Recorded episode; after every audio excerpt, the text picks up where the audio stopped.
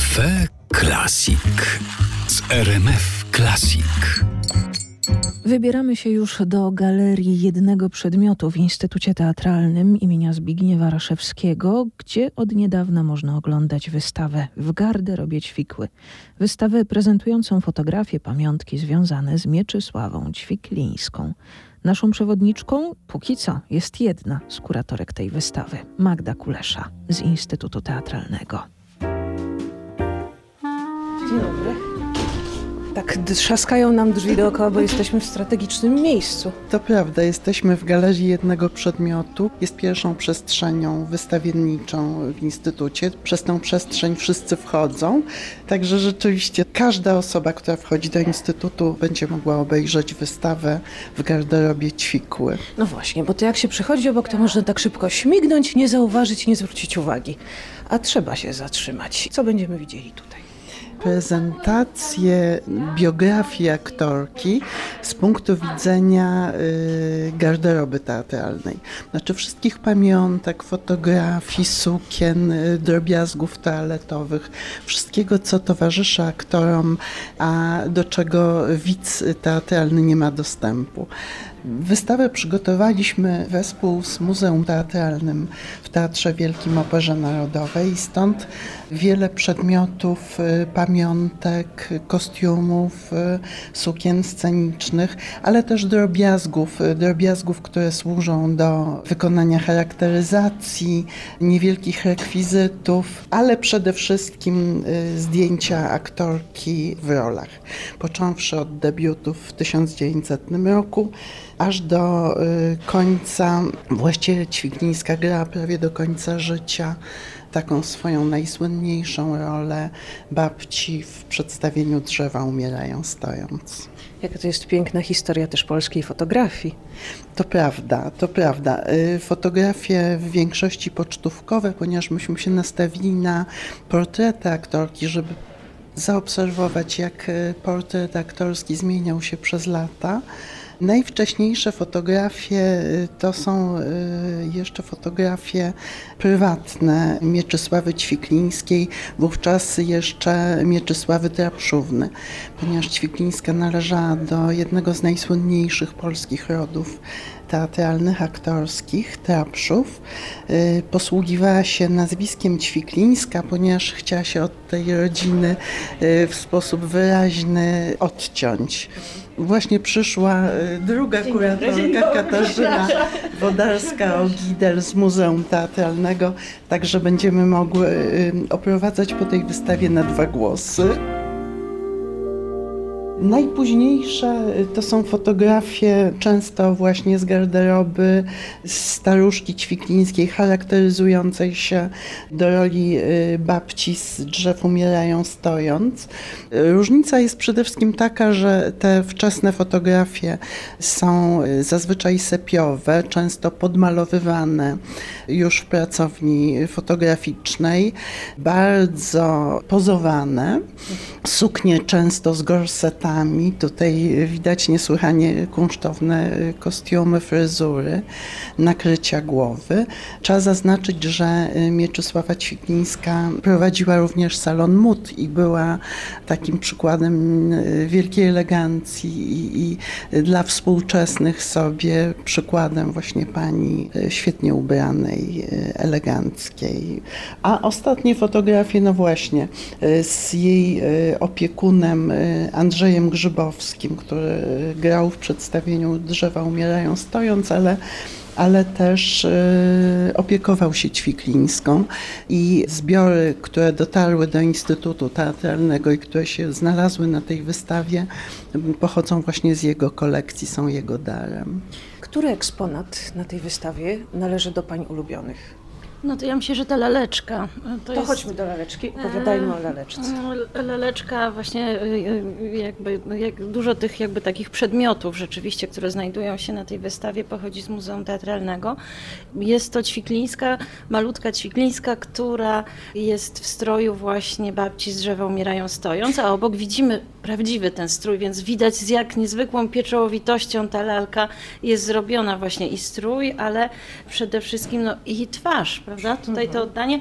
Wiemy, mamy takie zdjęcie, że powstała także taka laleczka Ćwiklińskiej w stroju ludowym, łowickim bodajże, także A dlaczego takie laleczki powstawały? to są po prostu prezenty od fanów. Ona miała tylu wielbicieli. My nie pokazujemy tutaj na wystawie, ale rzeczywiście w muzeum mamy całe tony albumów z różnych liceów, techników, fabryk, e, jakieś dziwne prezenty typu la, lampka górnicza, jakieś takie przeróżne przedmioty, które ona dostawała no, jako takie hołdy od e, pokoleń wielbicieli tak naprawdę, no bo prawda, ona debiutowała w roku 1900, więc to byli ludzie w różnym wieku. Właśnie jeszcze z tych takich najstarszych przedmiotów, które tutaj, mo- może nie tyle przedmiotów, tylko fotografii, których reprodukcje można tu zobaczyć, to właśnie jej zdjęcia w ogóle takie wczesne z pensji i później z pierwszym mężem. Właśnie tutaj jest e, taka fotografia wspólna, właściwie jedyna, z, e, ona miała trzech mężów, a tutaj właśnie jest z tym pierwszym, którym ślub brała tutaj nieopodal, w kościele świętego Aleksandra, mając lat 16, także bardzo młodo za niego wyszła za mąż i tutaj trzeba pamiętać, że też rodzice byli bardzo zadowoleni z tego ślubu, ponieważ obydwoje aktorzy liczyli na to, że ona aktorką nie zostanie. No właśnie, bo to nie były dobre czasy do bycia aktorką i do marzeń o aktorstwie. No ona pochodziła z takiej rodziny wybitnych twórców, aktorów e, teatralnych, rodziny Trapszów. Może dlatego jakby rodzice wiedząc, jak to jest e, też trudna praca, myśleli i mieli nadzieję, że jednak ona się zajmie czymś innym i stąd był ten pomysł na salon mód. Natomiast e, ona bardzo szybko, nie wiem, nie wiem czy dlatego zmieniła, że, żeby troszeczkę się odciąć od swoich rodziców, e, to po babce Ćwiklińska nazwisko na scenę przybrała. No ale też te początki kariery były takie związane jednak z ojcem, e, bo on tam w tym teatrze wtedy reżyserował też. No, ona marzyła o karierze śpiewaczki. Wyjechała do Paryża do Jana Reszkę uczyć się śpiewu. Stąd jej w ogóle taka duża kariera w teatrze muzycznym, ale operetkowym. Właśnie w Teatrze Nowości występowała dużo. Przepiękne tutaj e, zdjęcia z Zemsty Nietoperza na przykład. Właśnie tutaj jest ona w Zemście Nietoperza. Warto zwrócić uwagę, ponieważ te wszystkie wczesne zdjęcia to są takie typowe zdjęcia reklamowe aktorów warszawskich, też promowane przez warszawskie teatry rządowe, bo to była forma reklamy przedstawień. One właśnie no, były w atelier, bardzo rzadko na scenie wtedy robiono zdjęcia, natomiast są w kostiumach i też pamiętajmy, że właśnie w, często w spektaklach współczesnych zwłaszcza, no to stroje albo firmy różne wypożyczały aktorom, żeby się zareklamować na scenie. Aktorzy też e, czasem sami mieli właśnie też podpisane jakieś takie umowy, ale też mieli właśnie swoje piękne stroje i na przykład e, w Teatrze Polskim e, Mieczysława Ćwiklińska, ona jakoś tak na, no, na początku lat dwudziestych występowała tam krótko i nosiła suknię z domu mody Worta tam, więc to były naprawdę niezwykle eleganckie toalety. Dużo jest pięknych strojów, też projektowanych przez wybitnych scenografów teatralnych, bo mamy taki szlafroczek z Żołnierza i Bohatera z Krakowa, to jest projekt Pronaszki, więc e, jest tam kawałeczek dalej jest suknia projektu Frycza, natomiast mamy jeszcze taką prostą zupełnie sukieneczkę z 45 roku ze Skiza, więc to są takie różne jej stroje i sceniczne i prywatne, bo tutaj jest ta suknia koronkowa i ta złota taka strasznie sztuczna, ale no właśnie to są już te lata 60. Mm, To z jakiegoś chyba jubileuszu jest taka jej elegancka kreacja, do tego są buciki, te kapelusiki, no to wszystko są rzeczywiście naprawdę jej przedmioty. Kafe Klasik.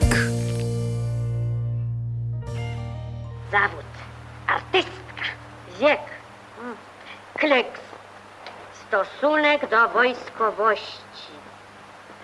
O tak, wykrzyknik. Jej życie to historia polskiego filmu i teatru pierwszej połowy XX wieku zwłaszcza.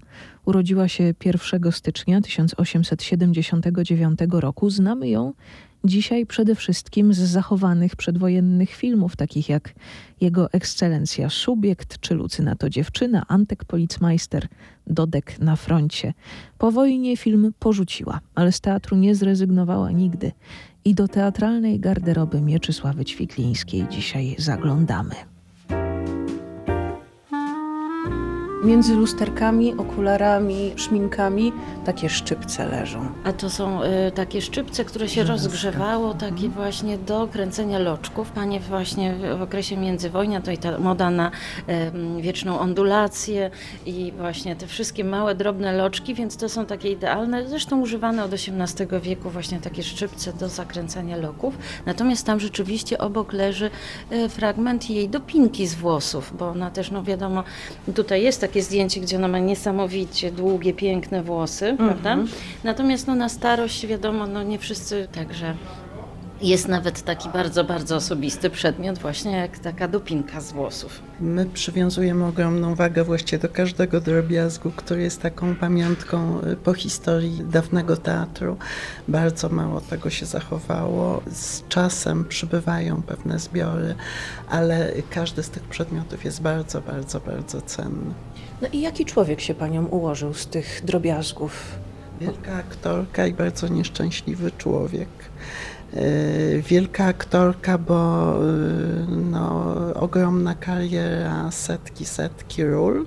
E, Natomiast kobieta bardzo dzielna, ale prywatnie, osobiście nieszczęśliwa, wielokrotnie zamężna. Na stare lata została sama, wymagała pomocy. Być może dzisiaj nie myślimy o, o sytuacji takiego starego aktora, który do końca gra, ale tu trzeba powiedzieć, że Ćwiklińska wychodziła na scenę mając ponad 90 lat, już prawie niewidoma, praktycznie wprowadzana przez swoich scenicznych y, partnerów. Gra do końca. Gra do końca. Właściwie ostatnie przedstawienia to był ostatni rok przed śmiercią. No, uważamy, że to jest osoba, którą warto przypominać, bo młode pokolenie no, już jej nie pamięta. Ja się wychowałam na jej filmach, jest dla mnie jakby żywą osobą, natomiast jak mam zajęcia z młodzieżą, to, no, to już nie wiedzą, kto to był. Mieczysława Ćwiklińska była określana przez e, swoich współczesnych recenzentów i widzów jako no, aktorka wyjątkowo niosąca radość, e, śmiech, szczęście. Grzymała Siedlecki powiedział, że była radością polskiego teatru. Po wystawie w garderobie Ćwikły oprowadzały nas jej kuratorki Magda Kulesza i Katarzyna Wodarska-Ogidę. Wystawa jest dostępna w Instytucie Teatralnym w Warszawie. Wstęp jest wolny.